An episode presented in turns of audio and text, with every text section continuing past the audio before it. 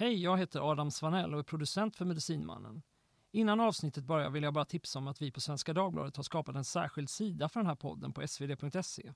Där finns artiklar där du får veta ännu mer om Medicinmannen. Det finns kartor, fotografier, filmer med mera. Om du inte redan är prenumerant på Svenska Dagbladet finns där ett särskilt erbjudande för dig som lyssnar på podden. svd.se medicinmannen är adressen. Missa inte det.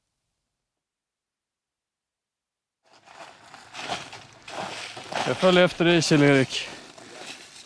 Du skulle behöva en machete typ.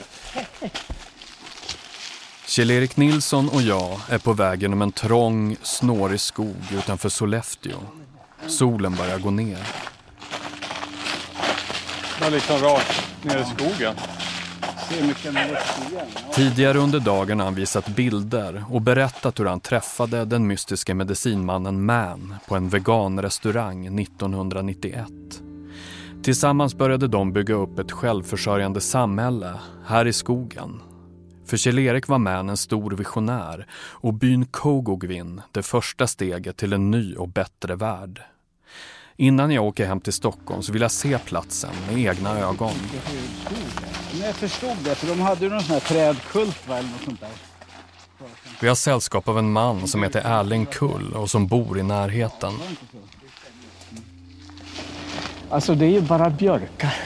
Jo men här, här, här är ju någonting här som skiljer sig mot resten. Det är bara björk. Ja. Vi kommer fram till en glänta. Utsikten är hisnande vacker.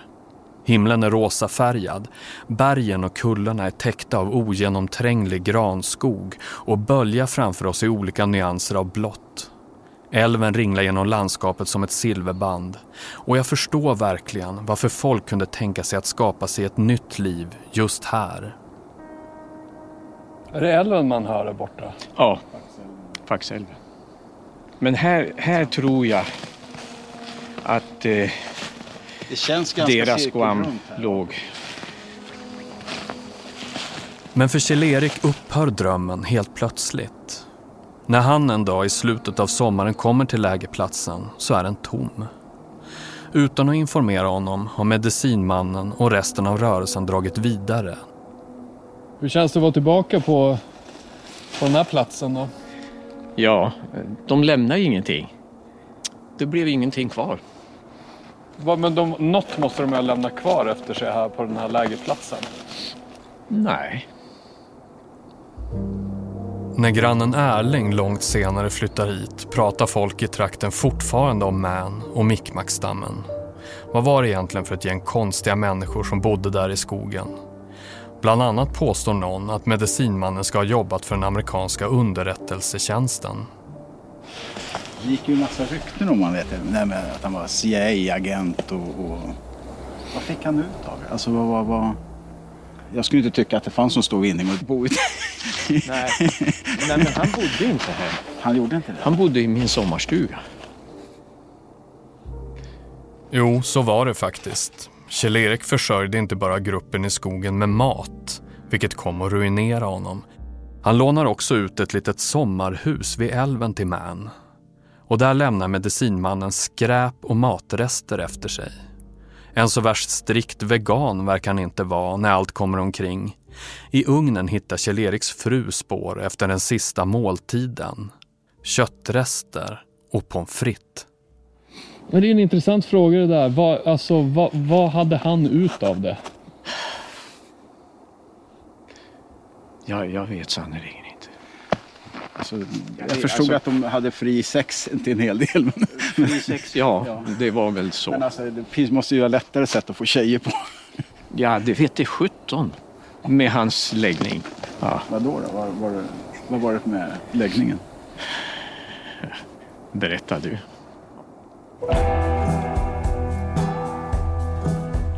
Svenska Dagbladet och Banda presenterar Medicinmannen.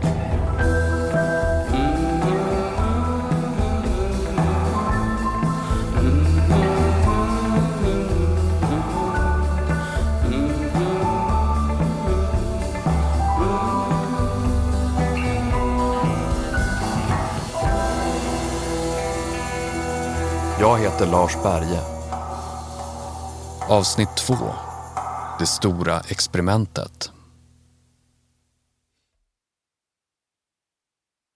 När jag sitter i bilen på väg från Sollefteå är jag helt överväldigad av allt som Kjell-Erik har berättat.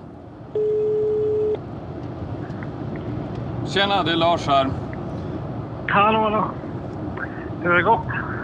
Jag ringer upp Adam Svanell på Svenska Dagbladet som är den här seriens producent. Ja, men grejen var att han eh, berättade en ganska, eh, en grej som lät rätt så oroande.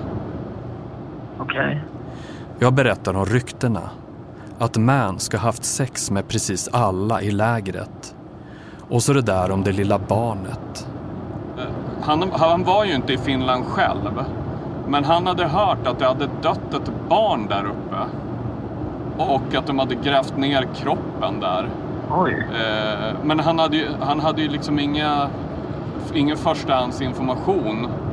Det låter helt bisarrt. Helt bisarrt. Så jag tänkte att det kanske, om du kunde kolla om, jag menar det måste ju ha skrivits om, om det i tidningarna från den här tiden. Ifall det dog ett barn där så borde det ju stå någonstans. Ja, ett barn dör ju inte bara sådär utan att man märker något tänker man. Det måste ju ha... Det låter ju lite, det låter ju som att det skulle kunna vara en skröna liksom. Men, men eh, klart att, det, att vi måste kolla upp det. Adam kontaktar Svenska Dagbladets Brysselkorrespondent Teresa Küchler. Hon får i uppdrag att ta reda på mer om Mans förflutna. Han har sagt att han kommer från Kanada och att han har bott i Paris. Kanske har det skrivits något om honom i franskspråkiga medier. En annan av tidningens journalister, Jani Pirtisalo Sallinen, han börjar gräva kring tiden i Finland och det där dödsfallet. Har det verkligen hänt? Själv kan jag inte riktigt släppa varför Man och hans anhängare så plötsligt lämnade Sollefteå.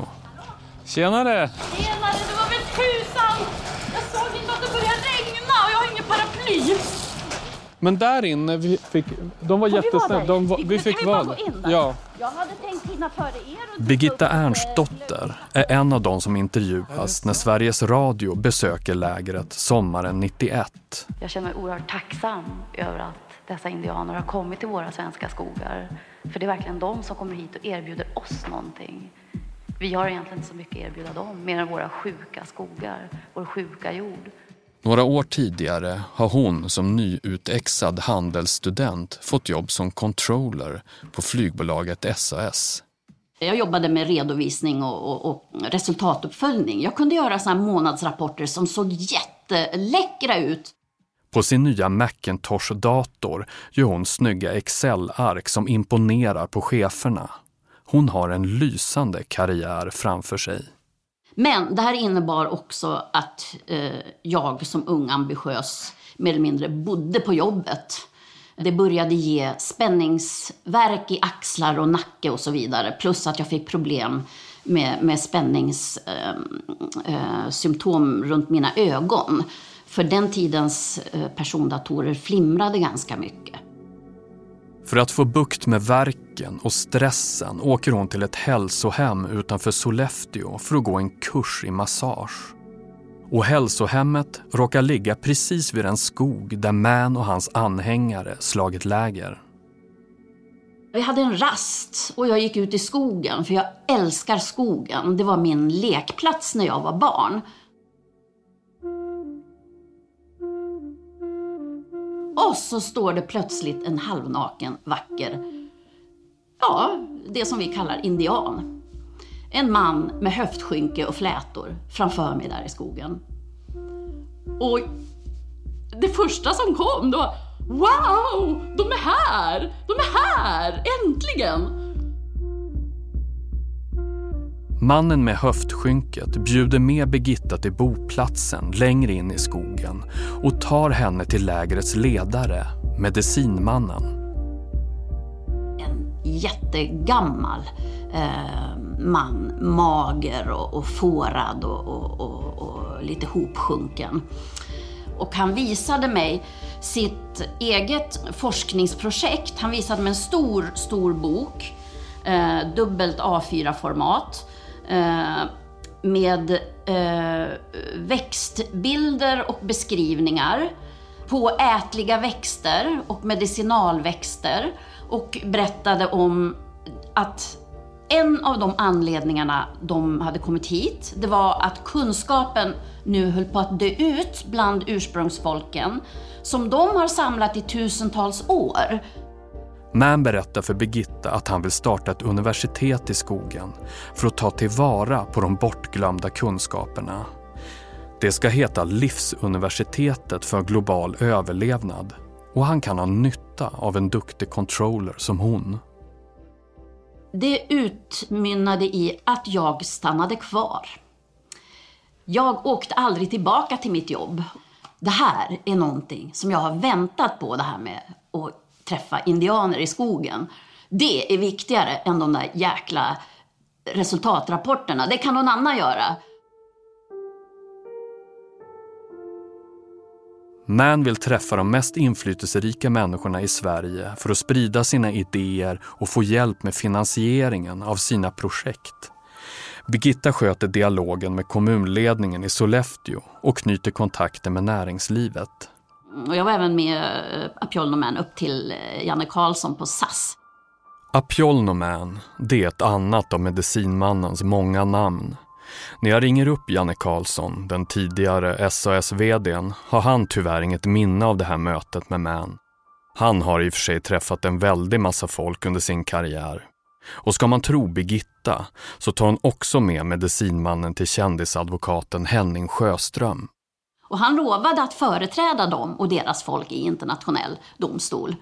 Mann säger att hans folk aldrig skrivit under några fredsavtal det är därför de lever under hot och blir förföljda. Det här är något han tar upp även under det allra första mötet i Örebro. Lyssnar man noga på inspelningen därifrån hör man honom berätta att stammen har varit utsatt för folkmord. We have been um, the objects, I would not say the victims, but the objects of genocides. I do not say the victims because uh, I think the real victims are those who did the genocide. Mm. How, how, do you, how do you translate genocide? Folkmord.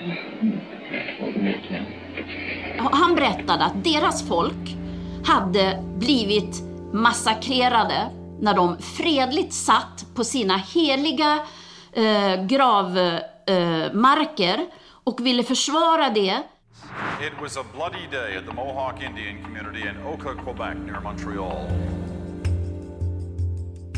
I samtalen med Birgitta refererar Man till en händelse som inträffar ett år tidigare. Sommaren 1990 protesterar ursprungsbefolkningen i östra Kanada mot att det ska byggas en golfbana på deras heliga mark den kanadensiska staten hade sålt deras marker för höga, höga summor pengar till ett företag som skulle plöja ner allting som var viktigt för de här, det här folket och göra golfbanor.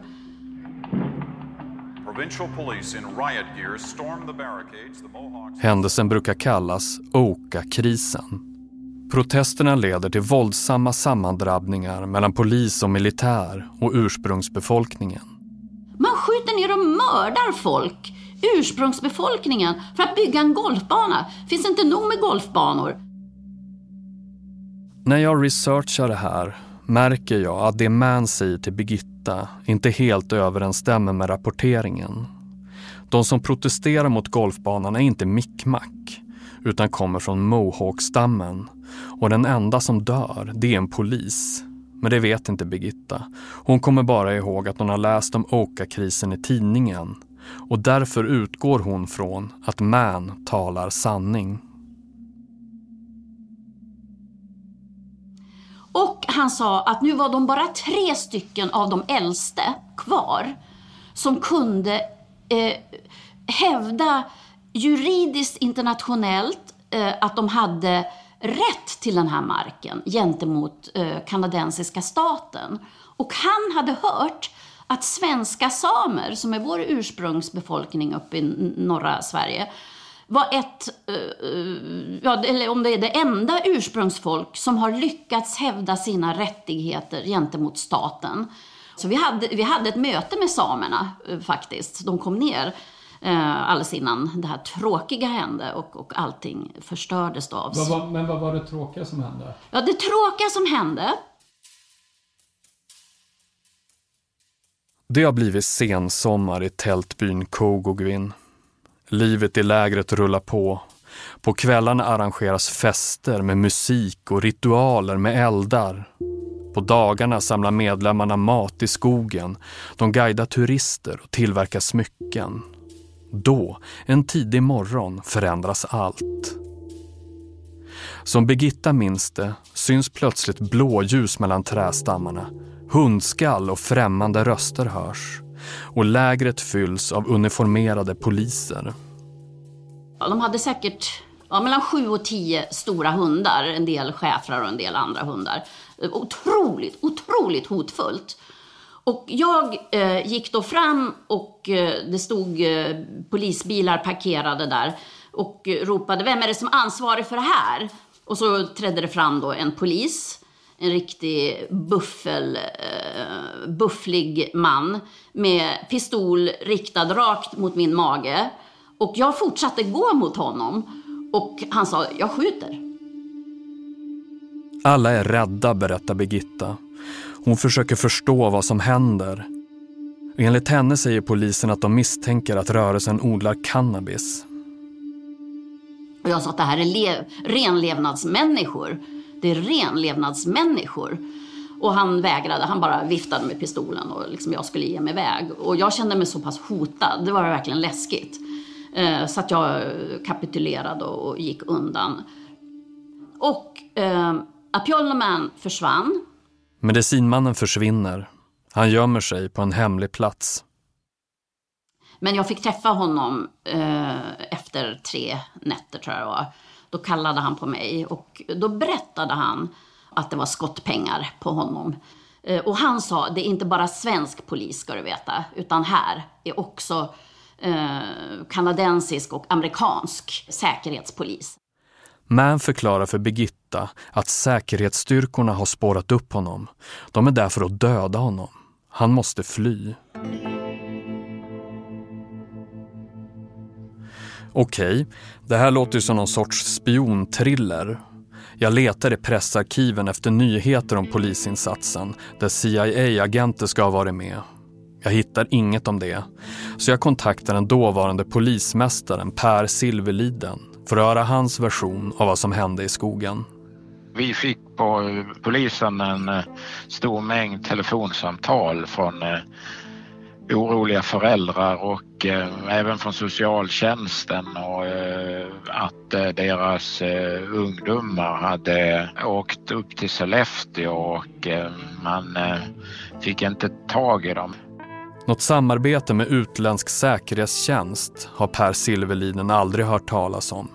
Att vapen skulle ha riktats mot någon i lägret förnekar han bestämt. Allt gick fredligt tillväga eftersom jag ändå var högste chef på platsen där så mitt så att säga syfte och mål med insatsen det var ju att eh, så snabbt som möjligt eh, få slut på den lägerverksamheten. Och naturligtvis försökte ju gå den mjuka vägen och, och, och hjälpa dem hem. Och, eh, och föräldrar var ju också beredda att åka upp och så vidare. Men, men de, mitt minne var att det var ju liksom det var svårt att få dem att, att lämna det här lägret för de var så bundna vid, vid de här eh, kanadensiska indianerna så att säga som, som, eh, som ändå var någon ledare där i lägret.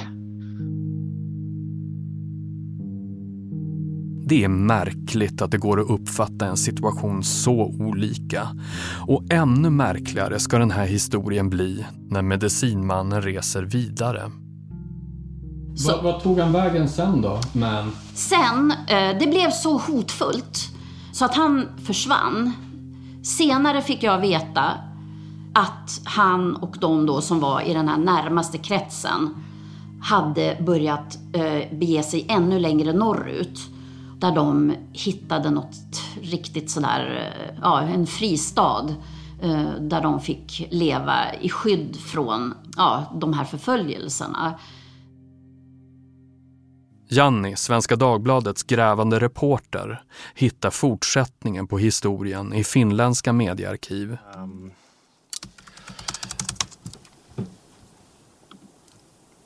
Och så ska vi göra, vi kan väl göra en sån här vägbeskrivning här så vi får en... Uh,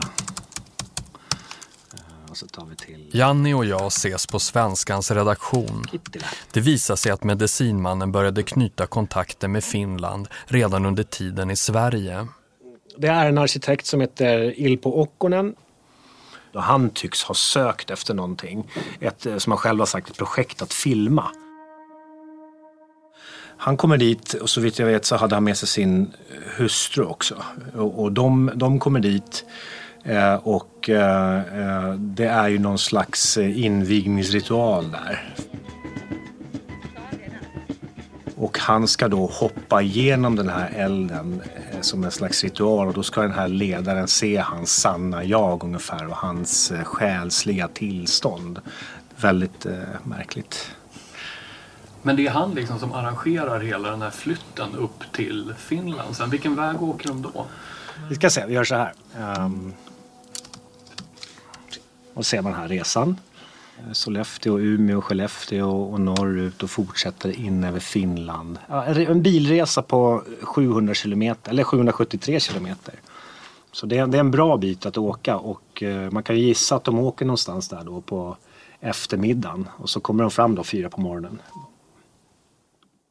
Arkitekten och filmaren Ilpo Okkonen tackar nej till att medverka i den här podden men i finländsk radio har han sagt att han under sitt besök ser hur illa Mikkmackstammen har det i Sverige.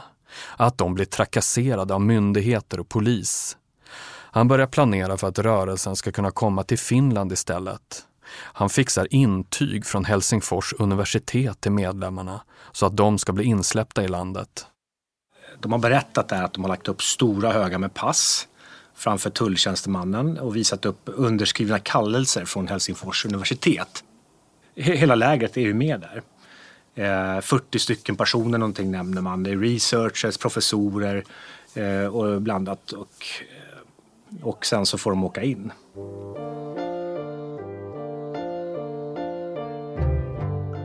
Men är det egentligen så underligt att socialen i Sollefteå ville veta vad som pågick i lägret i skogen? I rörelsen finns flera barn. De lever utomhus och bor själva i ett eget tält. Vem som tar hand om dem är inte helt klart. Och så tänker jag ju på det där ryktet som Kjell-Erik pratade om. Att ett barn ska ha dött under tiden i Finland.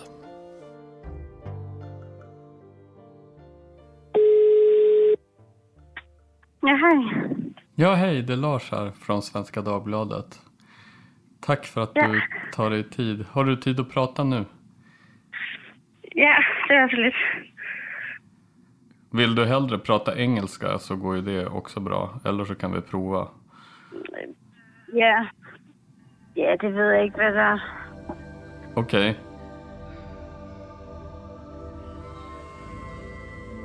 En del av barnen föds in i medicinmannens rörelse. Can you say your name? Uh, Chantig. Som Chantig. Hon har levt som nomad sedan hon föddes i bergen i norra Spanien.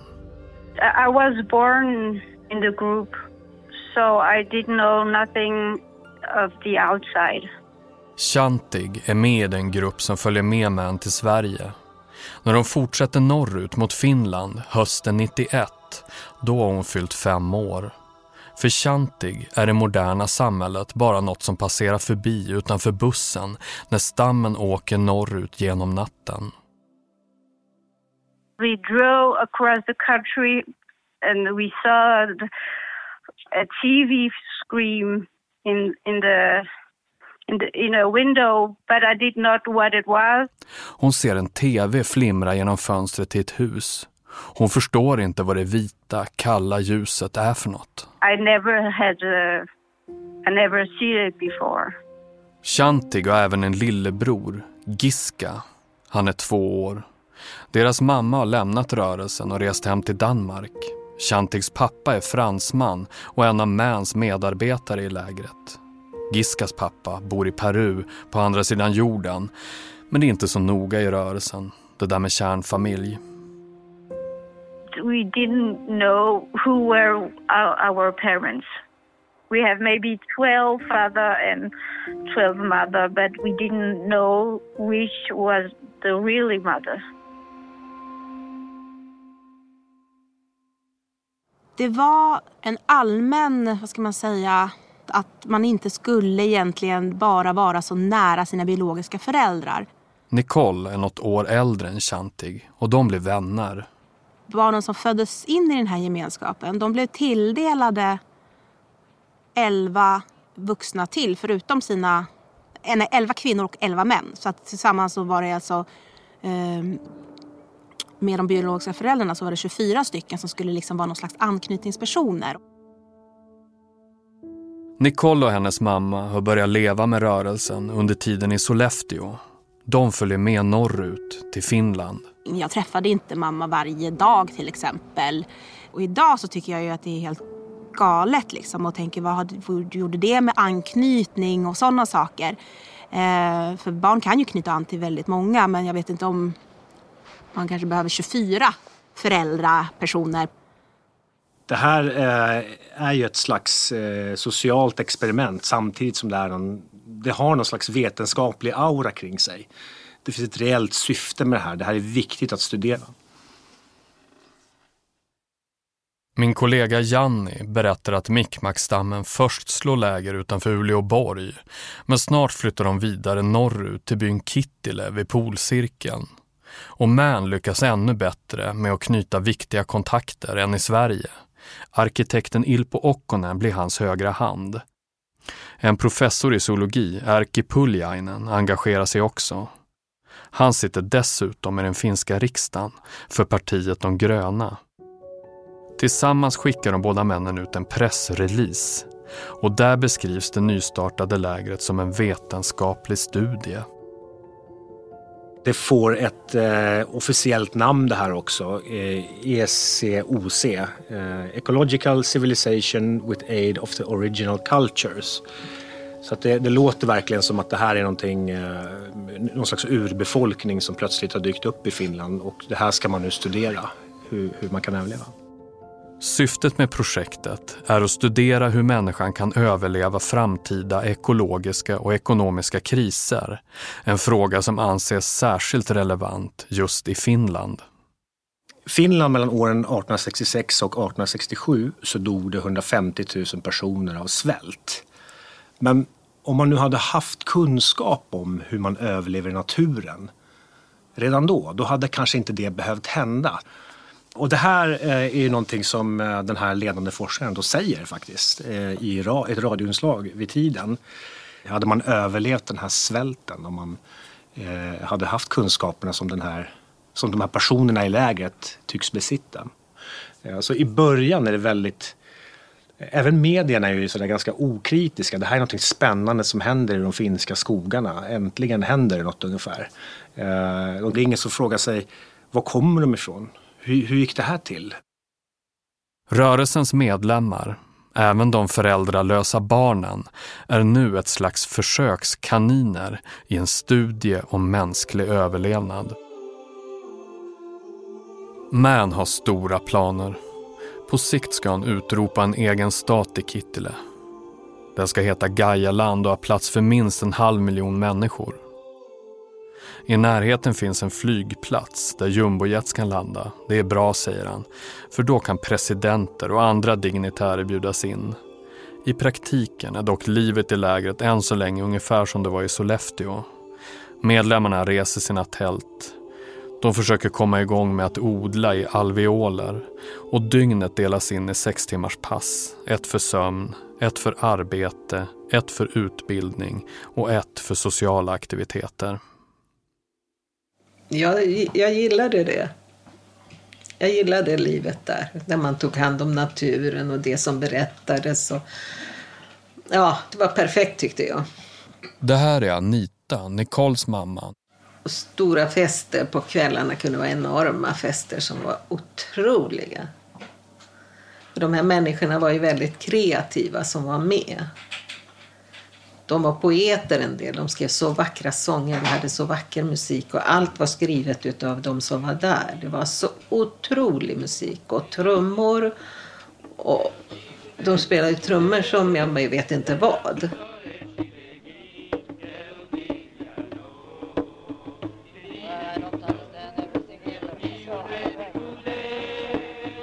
En person i rörelsen har spelat in en av de här kvällarna på band. På kassetten står det Fest i Guammen. Fest i tältet alltså.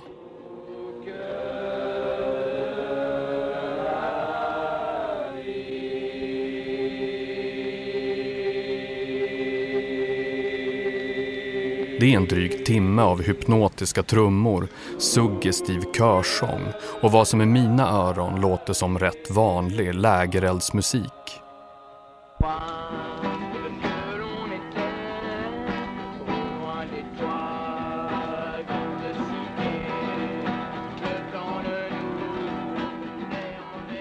Och så satt man i en Guam med en eld på kvällen liksom. Och den här festen, det var ju helt enormt. För Anita är det det som är grejen med lägerlivet, musiken och poesin. Inte hålla på med någon sorts forskning. Man ville ju då påskina att det var vetenskapsmän som var där. När det kommer besökare till lägret är medicinmannen Man noga med att säga att det handlar om vetenskap och att byns invånare är forskare i en banbrytande studie. Och då kallar han dem liksom som om de hade universitetsutbildningar, liksom unga grabbar liksom, som man förstod inte hade någon utbildning nästan. Sen att de kunde mycket, det, det, det stämmer ju. Och speciellt den här poetiska sidan var väldigt var enorm.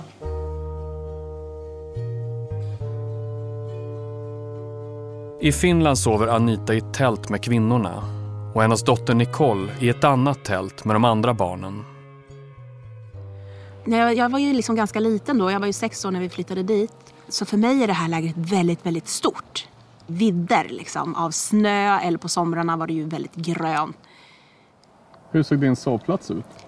Alltså, ja, det var ju de här 12 meter höga guamarna. Så var det en eldstad i mitten och sen så var det liksom en liten eh, stampad jordgång till liksom, runt den här eldstaden och sen så låg det liksom bäddar ut mot, man hade liksom huvudet ut mot eh, liksom själva canvasen så att man låg med fötterna in mot elden. Så var det halm och så var det lite, ofta lite trasmattor eller någonting ovanpå halmen. Och eh, hade sovsäck. Kittile ligger långt, långt norrut på samma breddgrad som Kiruna i detta karga landskap bor medlemmarna i tält och försöker bruka jorden för att bygga upp ett självförsörjande samhälle.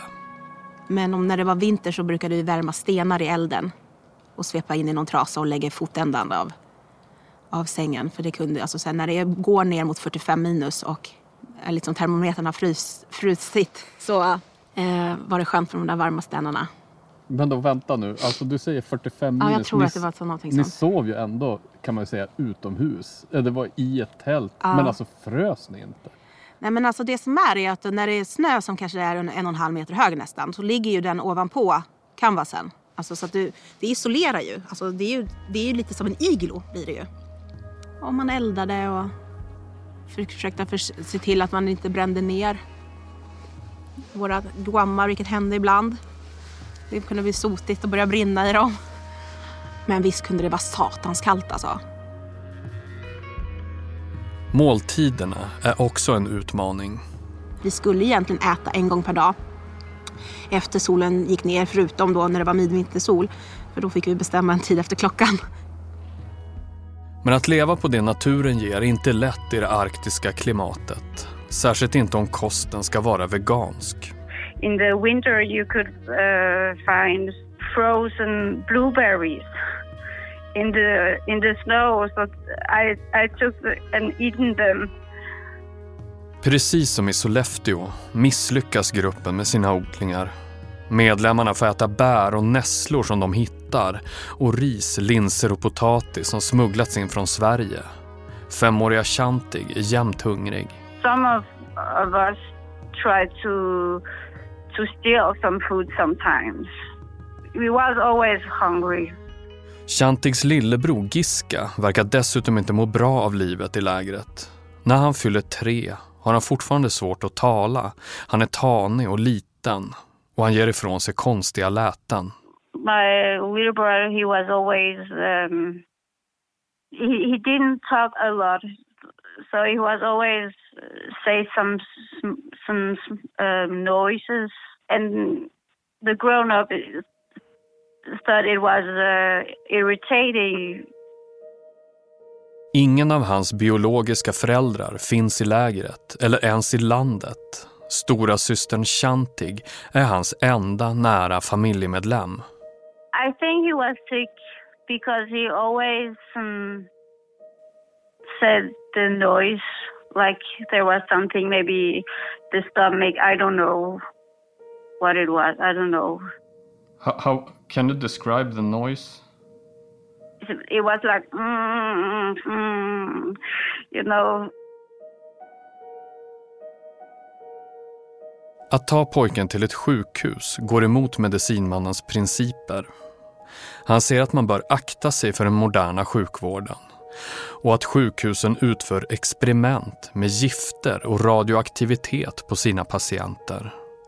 I lägret ska alla åkommor istället botas genom traditionella mikmak-metoder som medicinalväxter och ritualer. Men det verkar inte funka på Giska. För mig så hette han Kiska Jody. Han var en liten kille. Super, super fin energi. Liksom, sådär. Jag tyckte väldigt mycket om honom. Han brukade kunna liksom, ja, men krypa upp i ens famn och sådär.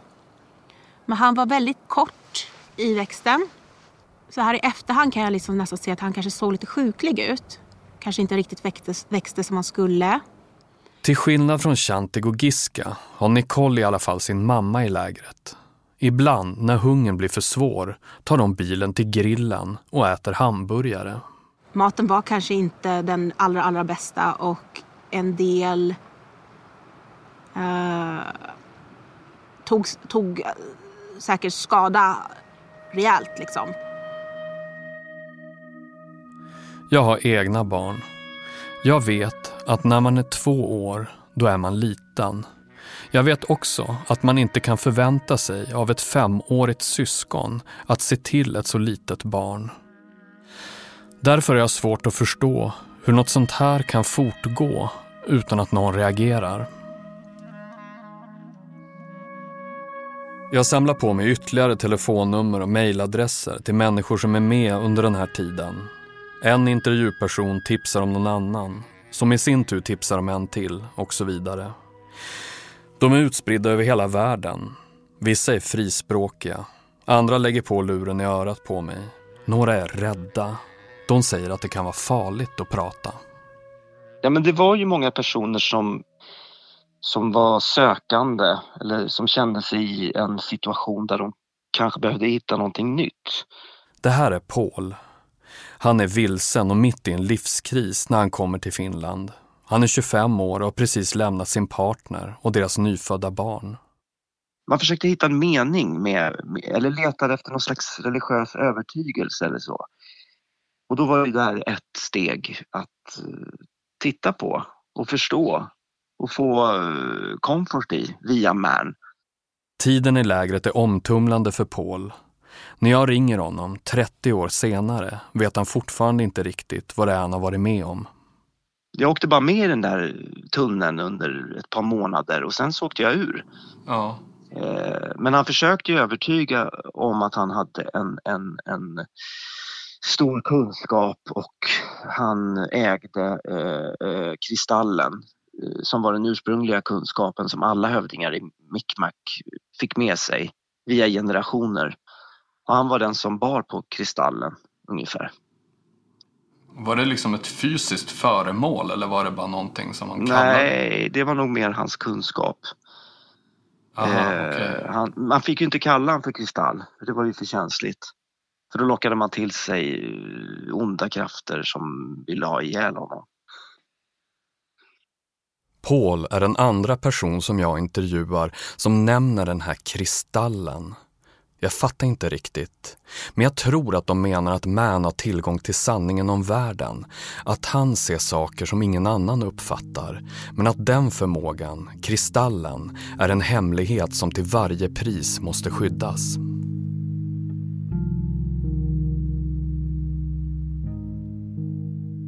Ju fler jag pratar med, desto mer framstår byn som någon sorts fångläger.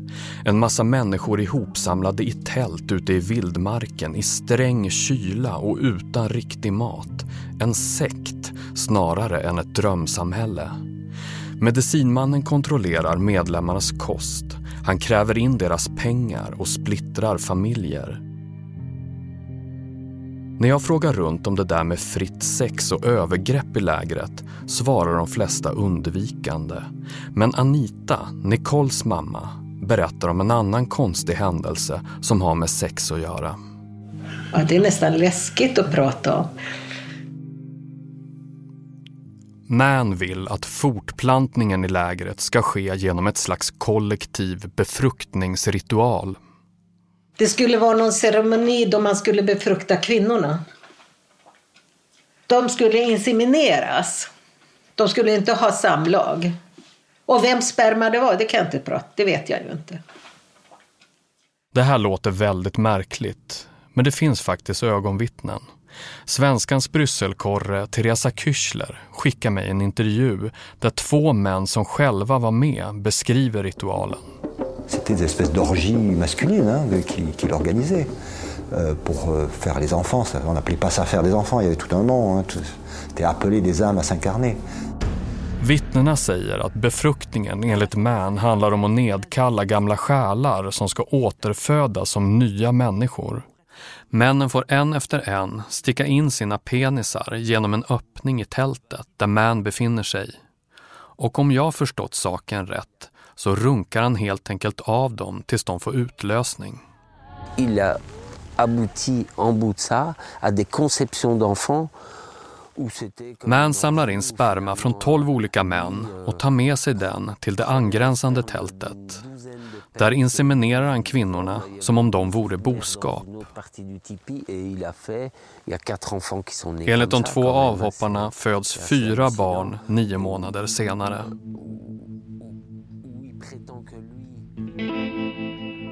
Övrig tid är kvinnor och män förbjudna att leva tillsammans. De bor åtskilda på olika platser flera hundra meter ifrån varann. Och kvinnorna och barnen verkar klara den långa, kalla vintern betydligt bättre än männen. I männens tält blir situationen allt mer miserabel. Anita berättar. Vi hade det bra i våran Guam liksom. Men jag hade något ärende till männens Guam och upptäckte att det var ju misär där. Beskriv så man fattar. Hur var det misär? Kläder, skit, smutsigt. Jag började tänka på Dostojevskij. Det här är ju precis det han beskriver om misär. Liksom. Och de hade inte ordning på någonting. På... Ingen som bryr sig? Liksom. Nej, de, de, var för, de mådde väl så dåligt allihop som var där. Liksom. För det kom ju en del människor dit som var, hade lite mentala problem också. Men också, fick de tillräckligt med näring? Alltså det var ju det. Nej, det, fick, det, det var väl så. Den som också hörs här heter Bo Wahlström och är andningspedagog, precis som Lena Kristina som var med i förra avsnittet. Han och Lena Kristina besöker lägret i Finland tillsammans. Synen som möter dem gör Bo orolig. Vi bor ju ganska bra på det där hotellet bredvid där, Lena Kristina och jag. Men vi rör oss ju där inne bland guammarna och grejer. Och det är ohälsosamt rökigt liksom. Va? Bo tar upp det här med Man. Lägret kanske inte är en helt lämplig miljö för barn. Och jag försöker diskutera det med honom. Nej, han drar en lång story om hur bra det är att andas in rök för att du ska rensa lungorna och allting så. Ja, precis. Det är lite absurt sådär när man hör.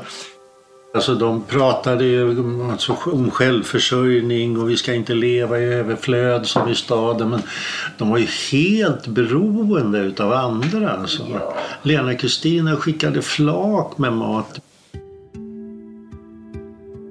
Även Anita har vid det här laget investerat alla sina besparingar i projektet. Ett par hundratusen. Det måste vara bensin till bussar och bussar ska lagas och det ska vara bensin till det och det och det och sen ska det handlas mat. Och jag gjorde av med så pengarna jag hade. Jättemycket stålar. Jättemycket pengar. De överlevde på grund av Anitas pengar och sen så utåt så, så var de så självförsörjande så vi kunde leva mitt där uppe. Liksom. Ja. Det var ju bara snack. Det sista Bo ser innan han och Lena-Kristina åker hem är en liten pojke som är i sällskap med Man. Pojken verkar väldigt sjuk. Och han är riktigt illa däran med hosta. Och han ligger och man liksom sitter vid honom och smeker honom. Och man märker att jag iakttar honom. Och han iakttar att jag iakttar honom och så vidare. Och liksom, han kan inte ljuga. Pojken ligger där och, och liksom lider. Och han kan inte säga åh vad bra det är för att han andas in röken. För nu rensar han lungorna. Och det är det sista jag ser. Och sen, okej, det, det är ingenting vidare finns här att göra med honom. Bo vet inte vem pojken är. Jag undrar om det kan vara Giska, Chantigs lillebror. Hon och de andra barnen ser ju att han har ont. Men de vuxna verkar mest irriterade över att pojken går och jämrar sig, berättar Chantig. Och en morgon tar deras tålamod slut. I don't know why, but they ground him and said that he he had to stay alone when he was like if it was the morning ritual or something, and then they I think they put him in the bed. Enligt Chantig lyder barnet inte de vuxna som vill att han ska ligga kvar i tältet när de genomför sin morgonritual. Gång på gång springer han ut. Till slut rullar de in Giska i filtar, säger hon. De binder honom så han inte kan röra sig.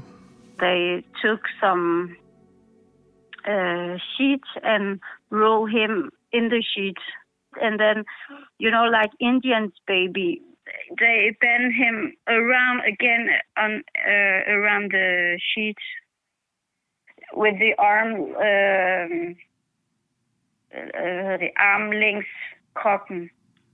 So, so he couldn't move? No, no, he was very tired. Chantig säger att pojken lämnas ensam i tältet, bunden. När hon återvänder dit har hans kvidanden tystnat. And then when we went back, me and uh, another girl, we run to him, and then um, we tried to wake him up, but he, he couldn't. Um, yeah, and then the, the grown-up came quick and yeah, then even push us away. And then I remember that they tried to give uh, PCR, not how to call heart massage. De vuxna försöker väcka Giska till liv. De gör hjärtmassage på honom. Chantig står bredvid. Hjälplös. And then I remember there was um, a snow scooter. Där, i vinterlandskapet, ser hon sin lillebrors livlösa kropp föras bort på snöskoter. But I didn't understand what happened because there was no one that explained us what happened.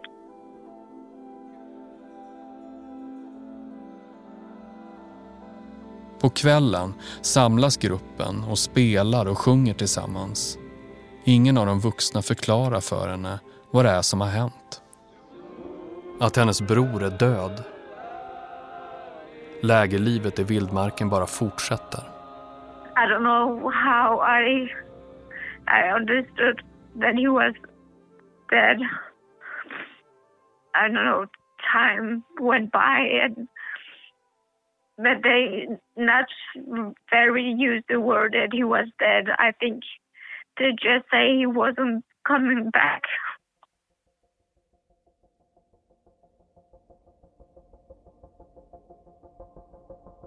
I nästa avsnitt av Medicinmannen redan i dörren så märkte jag direkt att det här var ju inga indianer.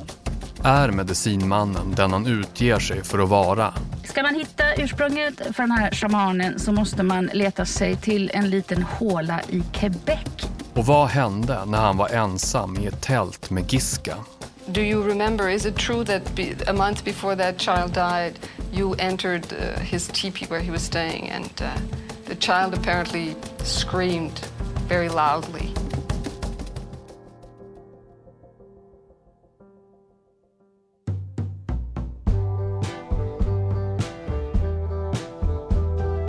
Du har hört Medicinmannen, en podcast från Svenska Dagbladet och Banda. Skriven och berättad av mig, Lars Berge. Producent är Adam Svanell. Exekutiv producent är Hugo Lavett. Och det är också de två som har klippt podden. Researchers är Teresa Kyschler och Janne Pirtisalo Sallinen. Musik av I.B. Sundström och av Epidemic Sound. Pauls röst gjordes av Tobias Aspelin.